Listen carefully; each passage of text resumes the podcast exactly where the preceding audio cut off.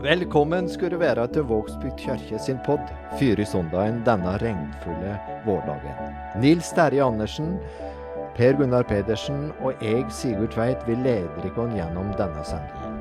Per Gunnar, det er fint å ha deg med deg her i podden. Syns du det, Sigurd? Ja, men det blei litt omkalfatring.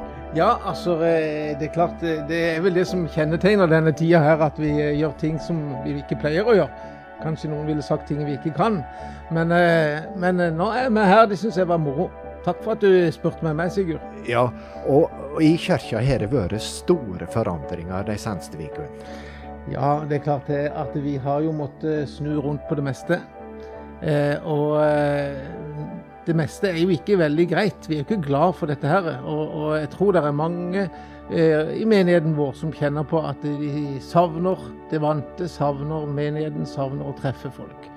Eh, men vi prøver i staben iallfall å, å gjøre noe med det ved at vi har sånn som podkast. Vi har noen eh, små snutter vi sender ut på, på TV-en eller på, på hjemmesida på søndagene. Og der er barnepodder. Ja, dette vet du mest om, hva som skjer for barne- og ungdomsarbeid. Du, det må du si litt om, Sigurd. Ja, eh, Kirka har blitt et mediehus. Og eh, på en måte det har vært store forandringer, men vi har lært mange ting. Vi har gjort enorme skritt i retning av å bli mer digitale. Eh, og barnepoddene har gitt meg mye energi. Det er utrolig hyggelig å arbeide sammen med menighetspedagogen Siv Elise, med eh, organisten Karina, og spille inn hørespill eh, for barn. Det har vært stort. Og så har det vært veldig fint å være her i denne podden her òg. Og Nils, eh, i dag så skal vi lese nok en gang en tekst fra Johannesevangeliet. Ja, vi skal det. Det blir fint, det. Du, skal vi spørre blårussen om han veit noe om, om, om uh, Johannes evangeliet? Han kan mye om lastebiler og biler og det å lære folk å kjøre. Han kan litt om økonomi òg, men kan du noe om, om Johannes evangeliet? Jeg kan godt svare deg på det, Sigurd, men kan jeg da etterspørre deg noe, etterpå få spørre deg noe om økonomi? Debit og kreditt, jeg, jeg kan litt om det. Ja. Nei, Johannes-evangeliet, hva vet jeg om det? Eh, han har iallfall lest det sikkert flere ganger. og Det er vel det fjerde, kapitlet, fjerde evangeliet i, eh, i Nytestamentet, er det ikke det? Jo. Ja. Mm. Syns jeg du var på nære nippet til å bli mobba av Sigurd her, Gunnar, fordi du har en annen utdanning. Nei, Men, nei. Eh, ja, det er det fjerde evangeliet. Og det er vel det yngste òg, eh, Nils? Det er det klart yngste, sannsynligvis. Og vi har jo snakka om det før, men eh, det er jo ganske annerledes enn de tre andre. Ja. De som blir kalt de synoptiske evangeliene. Mm. Så han ser, en, han ser, det i et litt annet lys, han som skriver Johannes evangeliet. Og det er en uh, utprega sånn teologisk uh, evangelium hvor han uh, ser de store linjene og, og skriver dette med en hensikt, da, at vi skal tro. Så han tar med mm. det. Av alle de fortellingene han har sikkert har og er en del av, så tar han med det han syns tilhøreren trenger for å tro at Jesus er Messias. Ja. Så ofte når du ser um, disse evangelistene fremstilt, så er det ofte et symbol for Johannes. Vet du hva det er? Nei. Det er ørnen. Okay. Han har dette overblikket. Ja. Så, han, eh, så, beveger han seg i kretser som de andre evangelistene ikke gjør, tydeligvis, for han vet mye bedre om hva som skjedde oppe i Øvrebyen. og Der møter vi Nikodemus og Josef Arimathea, som er rike og velstående folk, og han nevner bare syv av disiplene. Men, men men kan det forstås slik, eh, Nils, at, eh, at Johannes eh, har kanskje hatt litt mer utdannelse enn de andre? Jeg vet ikke. Jeg leste et sted at han var sånn stormotormekaniker i bånn. Og så ble han kjørelærer, akkurat som på Gunnarborg. Ja. Jeg hadde hørt at det var fotsonterapeut i bånn. men, men, men du, apropos fotsoneterapi, jeg bare ser på sveisen din nå, Sigurd. Eh, nå har jo frisørene åpna en. ja, men, men, det har jeg Jeg fikk en beskjed hjemme at jeg fikk beskjed i år at kan ikke du ringe til, til Hårtoppen og få bestilt en time? Ja. Men så hørte jeg om en annen en. Han hadde òg ringt. Og veit du når han fikk eh, time? Nei. 28. mai. Å, oh, er såpass rush, ja? ja det, så, så, jeg tror jeg må finne den derre Ja, ja. En kamerat av meg han fikk jo tekstmelding fra frisøren at nå åpner de og lurte på om han ville ha en time. Og han ble satt opp klokka ni den eh, første om morgenen. Ja, For å si det sikkert, da tror jeg ikke han hem, den frisøren hjemme om Gundar. Nei, men han var livredd for at TV skulle komme, og at det skulle lage sånn stor sånn At det skulle komme korps og greier. Men det var ikke det vi skulle snakke Nei, om. Det var, det var, det var den var den teksten. Ja. Johannes. Som er i kapittel 16. 16. Ja. Men jeg har jo snakka med en uh, veldig fin person om denne teksten. Ja. Uh, og han heter Lars Mandelkoff. Tysker, altså. Mm. Og det er en uh, veldig trivelig mann. de begynte å gå i kirka her, tror jeg dukka bare opp i fjor, tenker jeg det var. Hele familien. De kommer fra Kiel og har flytta til Norge. Er ikke igjen i Norge da? Nei, altså det som var morsomt, det var at uh, de har fire barn. Uh, ene dattera hadde vært utvekslingsstudent her i Norge. Og når hun kom tilbake, så sa hun at hun hadde egentlig lyst til å flytte til Norge. Syntes det var så fint å bo her. Men hun hadde ikke lyst til å reise fra familien, så hun spurte kan ikke dere være med. Hmm. Og da begynte de å tenke ja, det hadde egentlig vært spennende. Så familien på seks flytta til Norge, Kristiansand. Og um, mor driver en musikkskole fortsatt i Kiel.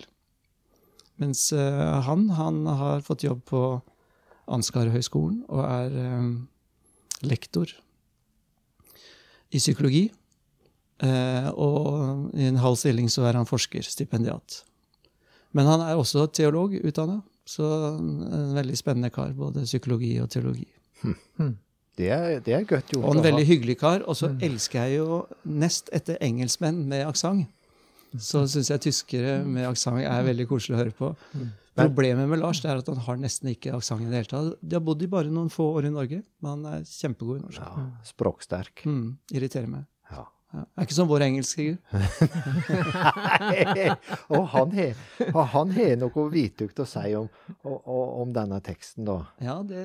Men før jeg går inn i den, jeg må bare si Jeg syns jo det at eh, engelsk med Kviteseid-aksent er jo bare det beste. Det er og jeg må si, når, når, når, vi er i gang og på tur, og jeg sto litt fast Jeg holdt på å prate med en, en fyr om, om uh, hvordan det var på, på Flekkerøya, der som Sigurd bor. og Skulle egentlig beskrive at det var så utrolig fint der med skjærgården, og der sto jeg fast. Men da kom Sigurd eh, rett inn og hjalp meg, og så sa han 'It's small mountains in the sea'. Det var en god eh, beskrivelse av skjærgården. Så det, denne engelsken med litt kvitsedarsang, den slår eh, i grunnen det meste. Da var vi i Dublin, var ikke det? Da var vi i Dublin, riktig. Ja. ja. Det var gøy. Det var gøy. Ja.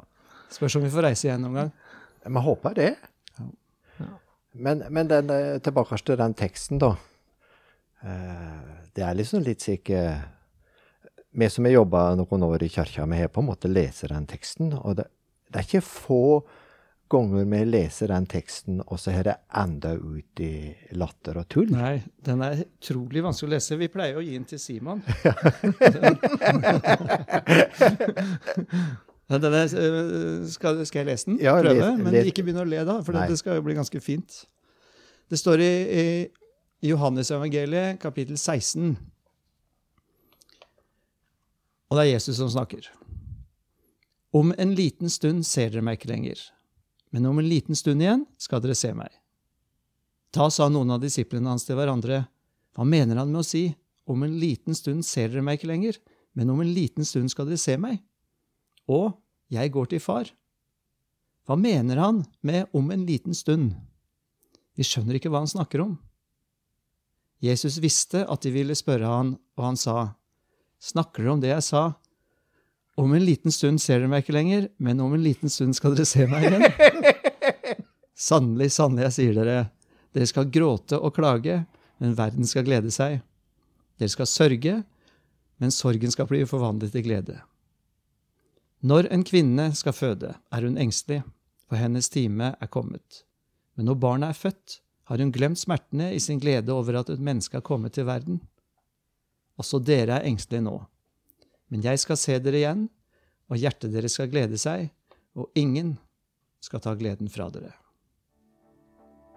Sånn eh, låt det. Og da tenkte jeg på at nå savner jeg gudstjenestene våre. For at eh, når dere må reise dere og høre det hellige evangelium, så står dere jammen ikke og ler.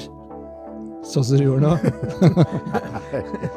men det er veldig kronglete tekst. Men jeg tror at den samtalen med Lars, eller den har jeg allerede hatt, den var veldig spennende. Så la oss høre den.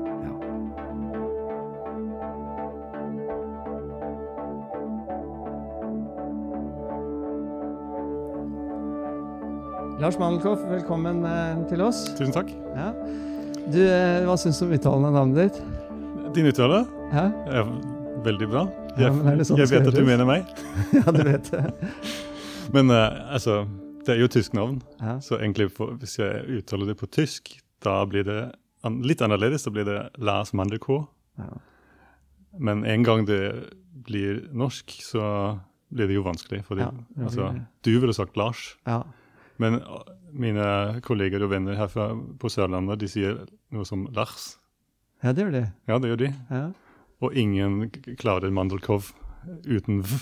Så, men det går fint. Ja, men Du snakker med en som berga seg så vidt i tysk på skolen. skal vi ta dette her på tysk, altså? Nei, jeg tror ikke vi skal gjøre det. Men du, du jobber jo på Ansgar-høgskolen, ikke sant? Og er lektor der. Eh, og underviser en halv stilling i psykologi. Og så har du en halv stilling eh, hvor du forsker og er stipendiat. Hva er det du forsker på? Religionspsykologi. altså Jeg forsker på um, spirituelle og religiøse spørsmål i psykoterapi. Hvordan det kan integreres, eller om det skulle eller burde eller ikke. Mm. Så da tar jeg intervjuer med psykoterapeuter og spør helsepersonell om eksistensielle spørsmål i terapi. Ja, det er sykt spennende. Det er spennende, og det var litt derfor jeg spurte deg om å delta i denne samtalen om uh, denne teksten. For her um, er vi jo vitne til en avskjed. Ja. Um, Jesus holder en tale, eller jeg vet ikke hvordan dette foregikk, da, men han, det er ganske langt strekk der hvor han har på en måte de, liksom de siste ord til sine venner. da. Mm. Um, bare aller først, hva er det som er viktig å um, gjøre i en avskjed, tenker du? Altså, du har jo reist fra Tyskland. ja, jeg har lært litt om å ta avskjed. Jeg er egentlig ikke så veldig god på det. Men det jeg har lært, er at det er viktig Altså to ting, ville jeg sagt. Det ene er å være veldig tydelig. Dette her er en avskjed. Noe tar slutt. Um, og selv om det kan være trist, så må det bli sagt. Mm. Og det andre er å um, kikke framover. Altså begge deler. Å være veldig tydelig med å bryte hvis noe må brytes.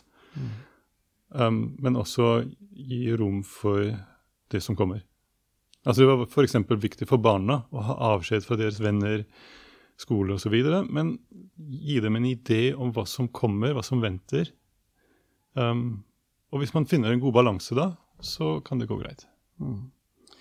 Jo, det er jo litt uh, på en måte det Jesus gjør. Han sier jo altså 'om en liten stund'. Mm. Ser dere meg ikke? Om en liten stund skal dere se meg igjen. Mm. Um, hva mener han med en liten stund, uh, tenker du, i denne sammenhengen? Ja, Altså, jeg vet ikke om det var så veldig godt gjort da, uh, å, å, si det så, så, lite tidlig, egentlig. En liten stund, det kan jo være alt. Ja, det kan. altså, Altså, det kan jo være at han mente tiden til uh, oppstandelsen. Eller tiden fra oppstandelsen til uh, pinse. Mm. Sånne ting. Men nå må vi også ta i betraktning at det er jo en tekst som blir skrevet jeg vet ikke, 50-70 år etterpå. Altså Det ble jo skrevet til folk som var i en viss situasjon. Så egentlig må vi ikke um, vi må ikke krangle om uh, sannheten her, fordi det finnes nok sannhet for alle. Mm. Um, det, det, kan også være fordi, altså menigheten til Johannes, eh, som kanskje lurte på hva er egentlig vår framtid? Hvor er Jesus? Kommer han tilbake eller ikke? Nå har vi venta så lenge. Uh, kommer han eller ikke? Mm. Så da er det en liten stund igjen for de. Eller vi kan også ta det for oss her og nå. Altså Det er, jo, det, det er jo det jeg liker med sånne bibeltekster, at de har flere lag. Mm. Og de har en sannhet på hver lag. Uh, uansett hva det betyr, er det jo um, et, et, perspektiv. Altså det kommer til å altså En forandring kommer til å skje. Og det, um, det er bra i seg selv. Altså vi, dette blir ikke evig. Vi kommer til å oppleve en forandring. Og det, det er noe jeg, jeg, også liker, å ha en sånn, sånn mellomtid. Vi er jo sånne, ja, en mellomtidsbefolkning. Altså vi, vi, lever mellom førtida og framtida og i forandringer.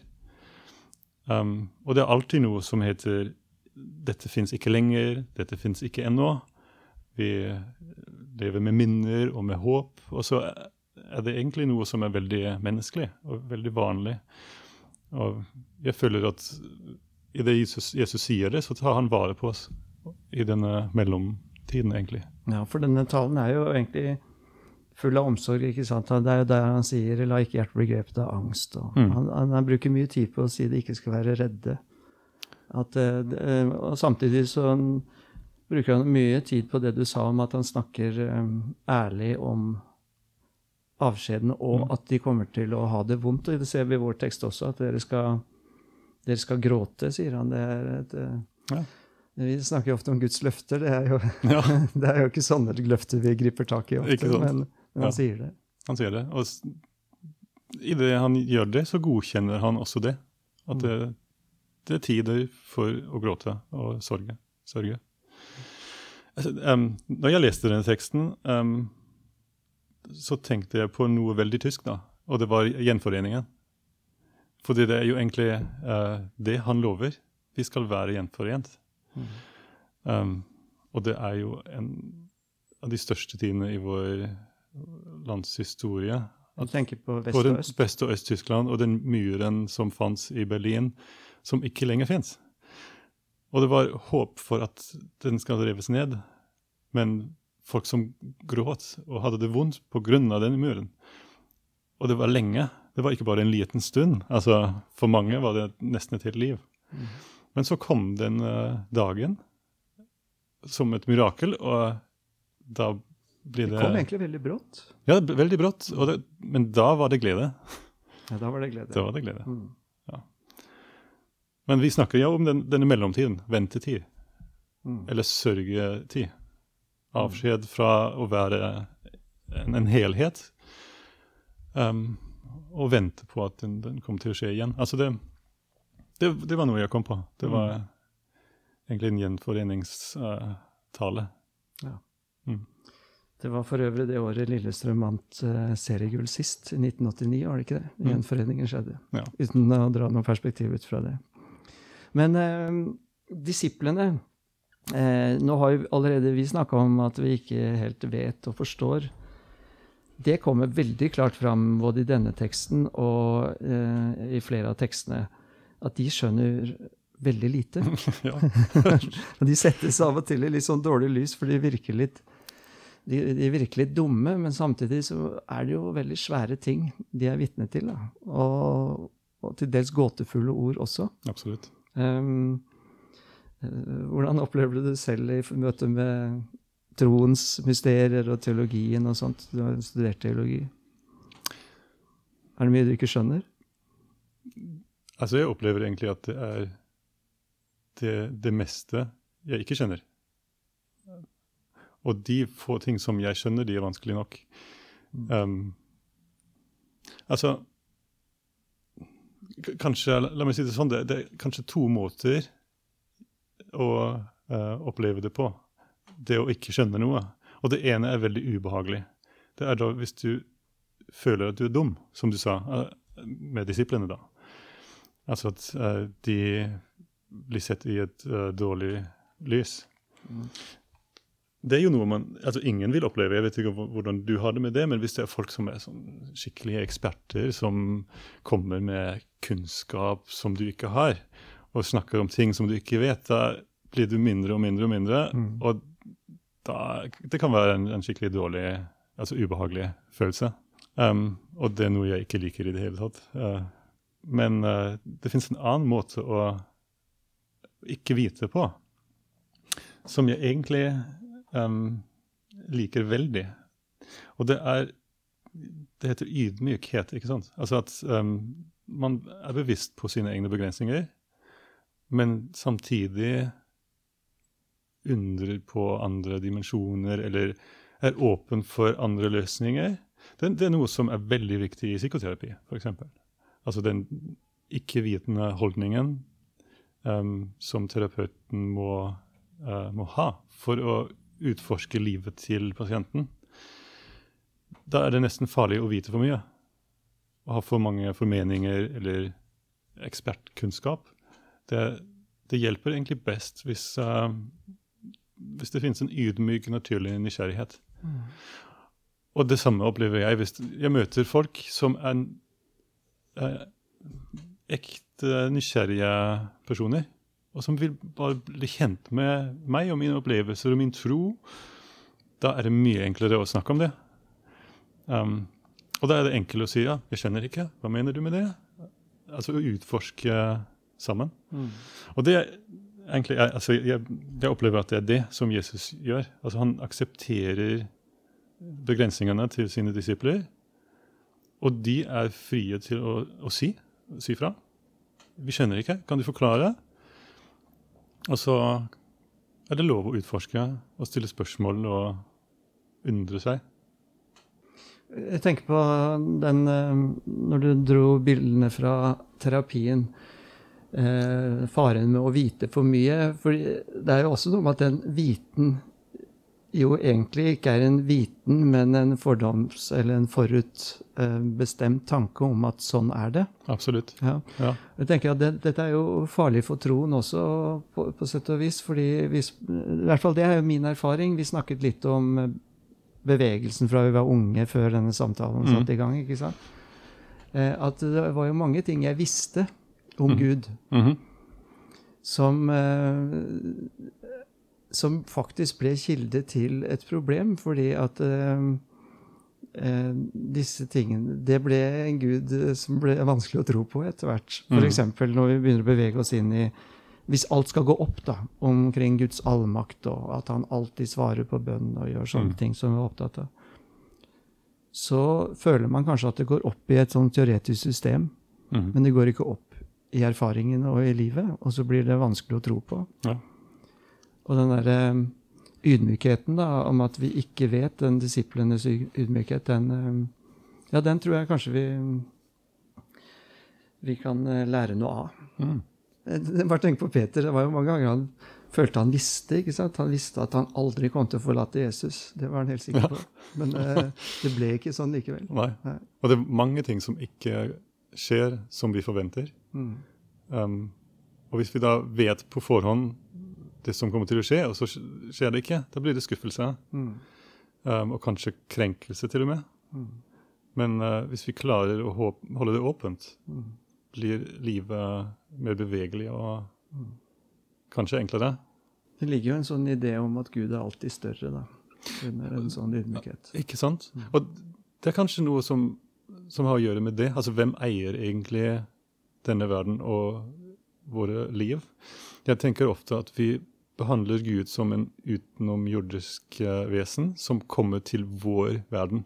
Mm. Altså som om vi eier verden. Altså kommer Gud til oss, til våre tanker, våre dimensjoner osv. Men da er det vi som eier det hele. Um, og det er jo til og med noen bibeltekster som sier det. Han mm. bøyer seg ned fra himmelen mm. til, vår, uh, til jorda. Sånn.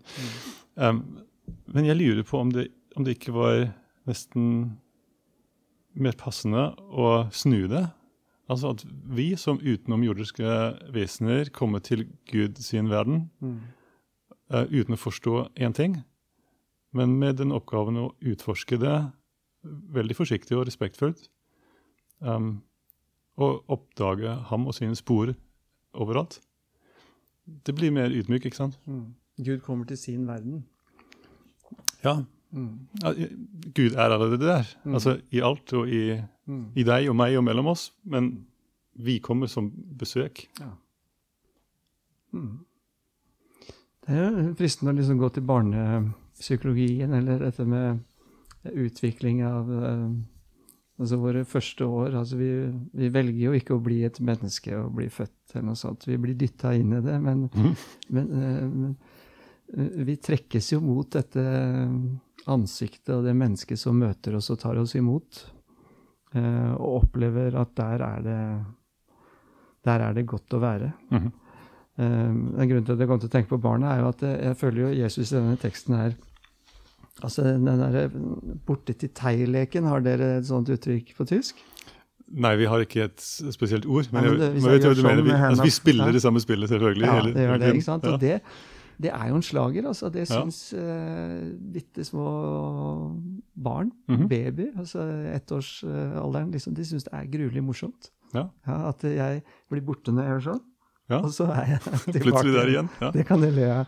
Uh, det føles litt, for det er, det er så omstendelig når Jesus eh, sier det til Om en liten stund ser dere meg ikke lenger, men om en liten stund skal dere igjen se meg. Og så begynner de å spørre seg hva mente han med å si om en liten stund ser dere meg ikke lenger, men om en liten stund igjen skal dere se meg. Mm -hmm. um, jeg begynte å tenke på den uh, greia. og um, bare som et sånn lite, lite, sidespor, hva er, som, hva er, det som, er så moro med den borte til tei-leken for barn? Det er jo kjempeviktig. Altså, det, I um, omtrent seks måneder, tror jeg, blir, um, utvikler seg noe som heter uh, representanse av objekter i um, persepsjonen. Altså at vi ser ting, men vet at de fortsatt fins, selv om vi ikke ser dem lenger. Ja. Um, altså Hvis man gjemmer ting, eller gjemmer seg selv fra barna, at de begynner å lete. Og det, jo, det forutsetter at du vet at det, det, er noe som du ikke ser. Altså, det kan være et objekt da, eller en person. Um, og det, det, utgjør en spenning. Altså hvis du ikke ser noe, men du vet at det er et sted, så, så øker spenningen. Og den øker og øker, og plutselig, når du ser tingene, tingene da um, løser seg spenningen, og det, det er moro. Altså Hvis spenningen løser seg, da eh, begynner man å le osv. Mm. Det er det samme med humor og mm. vitser. Du bygger opp en spenning, og så løser du den, og det er moro. Mm. Altså den, den, psykologiske forklaringen for uh, hvorfor vitser er uh, morsomme. Det er en uh, spenningskurv som er skapt. da. Mm. Og det er samme her. Um, men selvfølgelig kan det dras videre, altså ikke bare til skikkelig gjemselspill, men også til troen. Er ikke troen bare altså veldig ofte det, at vi tror på noe vi ikke ser? Mm.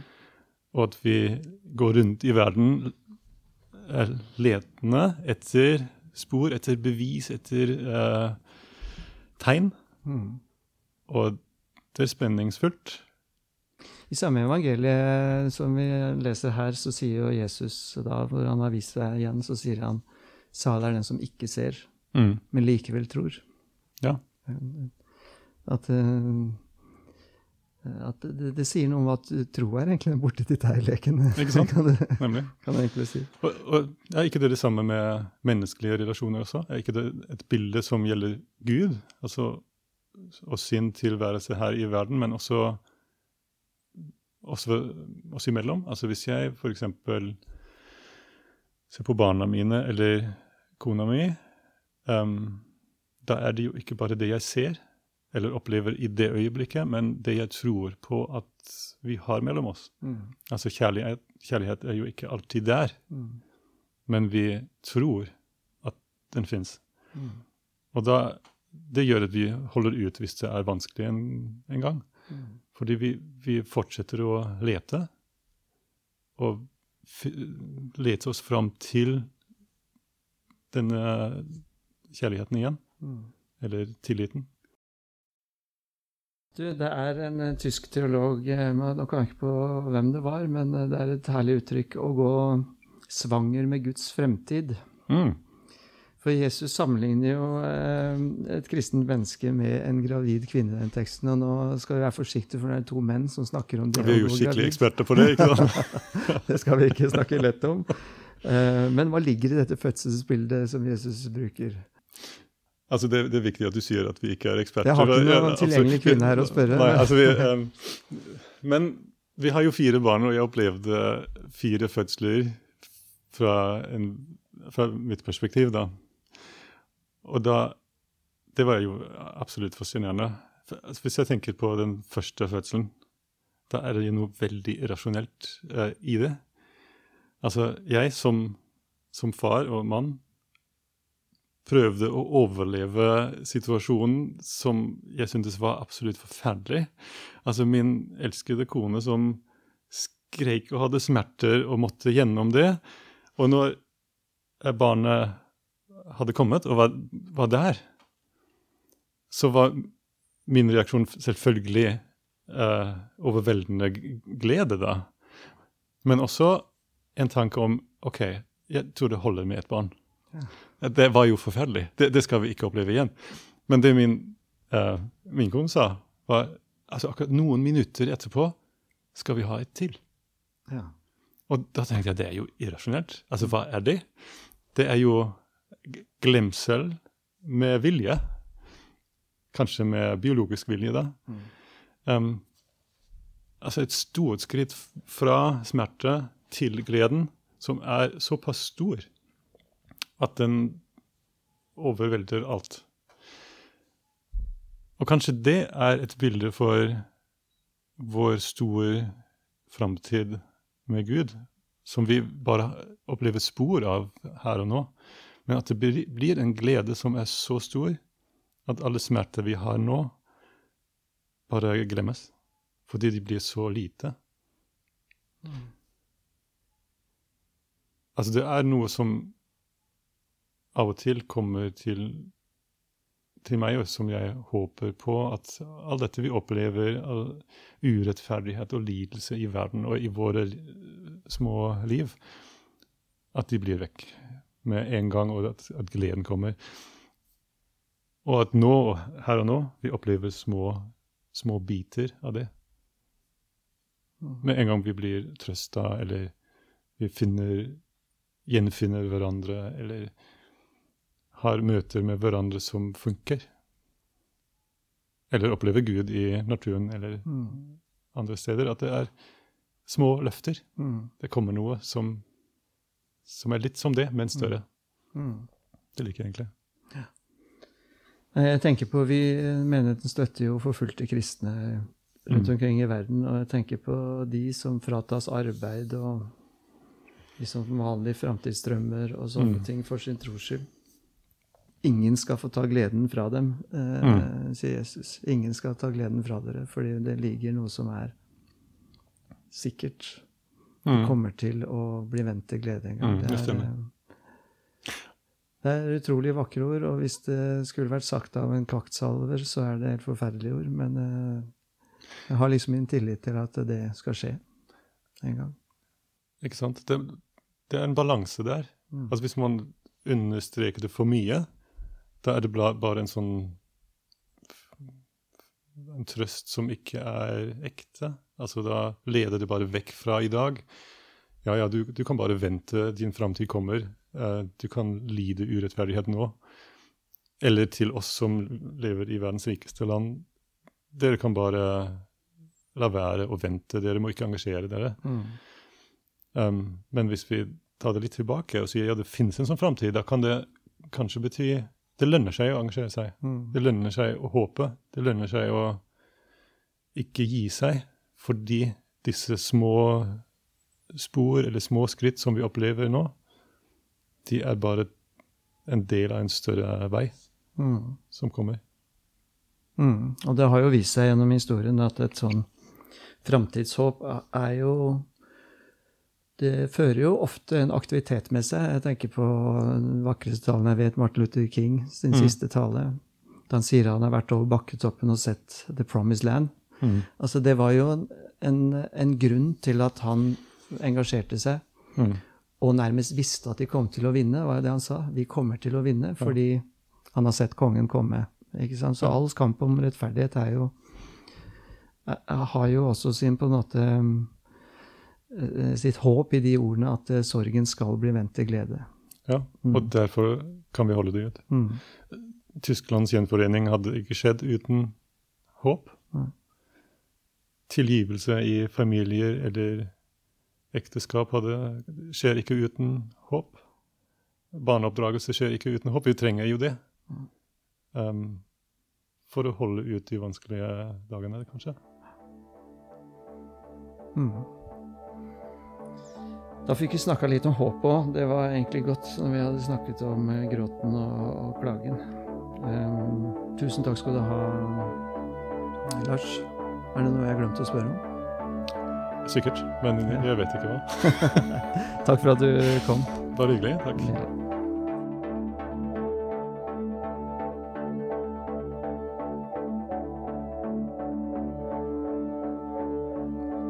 Det var Lars Mandelkov som eh, Nils Terje Andersen snakka med. Per Gunnar, hva sitter du igjen med etter den denne samtalen? Jo, jeg sitter igjen med flere tanker, men det er én ting som jeg hadde litt lyst til å trekke fram. Og det var rett og slett det han snakka om når det gjaldt barna til Teilegen. For det syns jeg er fascinerende å se barna nå. Utrolig de kan eh, liksom Wow! Når det er at du viser det fram igjen. Og de er ganske små. Halvt år, snakker han om. Og du syns jo det er litt morsomt selv? For du ja, gjør det på kontoret Det. Ja, jeg tenker, sier vi. Men, men, men, eh, han kunne jo litt om dette og fortalte litt om hvorfor. Det er at eh, ungene på det tidspunktet skjønner at det er noen der, eh, selv om ikke de ser dem. Og når de får det bekrefta, så er det stas. Eh, og det er klart, veldig mye i våre liv eh, eh, handler jo om at vi, vi ta sjansen på ting og gå inn i ting fordi vi tror at det sånn er det. Eh, F.eks. når folk gifter seg eller eh, sånne ting. Ikke vel at de satser livet på at den kjærligheten eh, er der og skal være der, og har tro på at den de har, sier ja til, er den rette for de. Og så er jo begeistringa stor når en da ser at dette faktisk stemmer, som en ofte får oppleve i livet. Og sånn tenker jeg, sånn er vår tro òg. Vi, vi vet ikke, men vi aner at det er noe der. Av og til opplever vi oss ganske sikre på det, noen ganger opplever vi langt ifra det. Og så tenker jeg hvis vi en dag skal få lov til å oppleve og se at dette faktisk er sant, det blir en stor dag. Det blir en stor dag. Men nå må vi gange mot avslutning. Dette er den lengste podden vi har hatt, tror jeg. Mm. Men vi skal ikke dele ut skyld. Nei. Men det Gunnar var med den gangen. det, det, var med på å dra det litt ut. Skal vi ta velsignelsen? Herren velsigne deg og bevare deg. Herren la sitt ansikt lyse over deg og være deg nådig. Herren løfte sitt åsyn på deg og gi deg fred.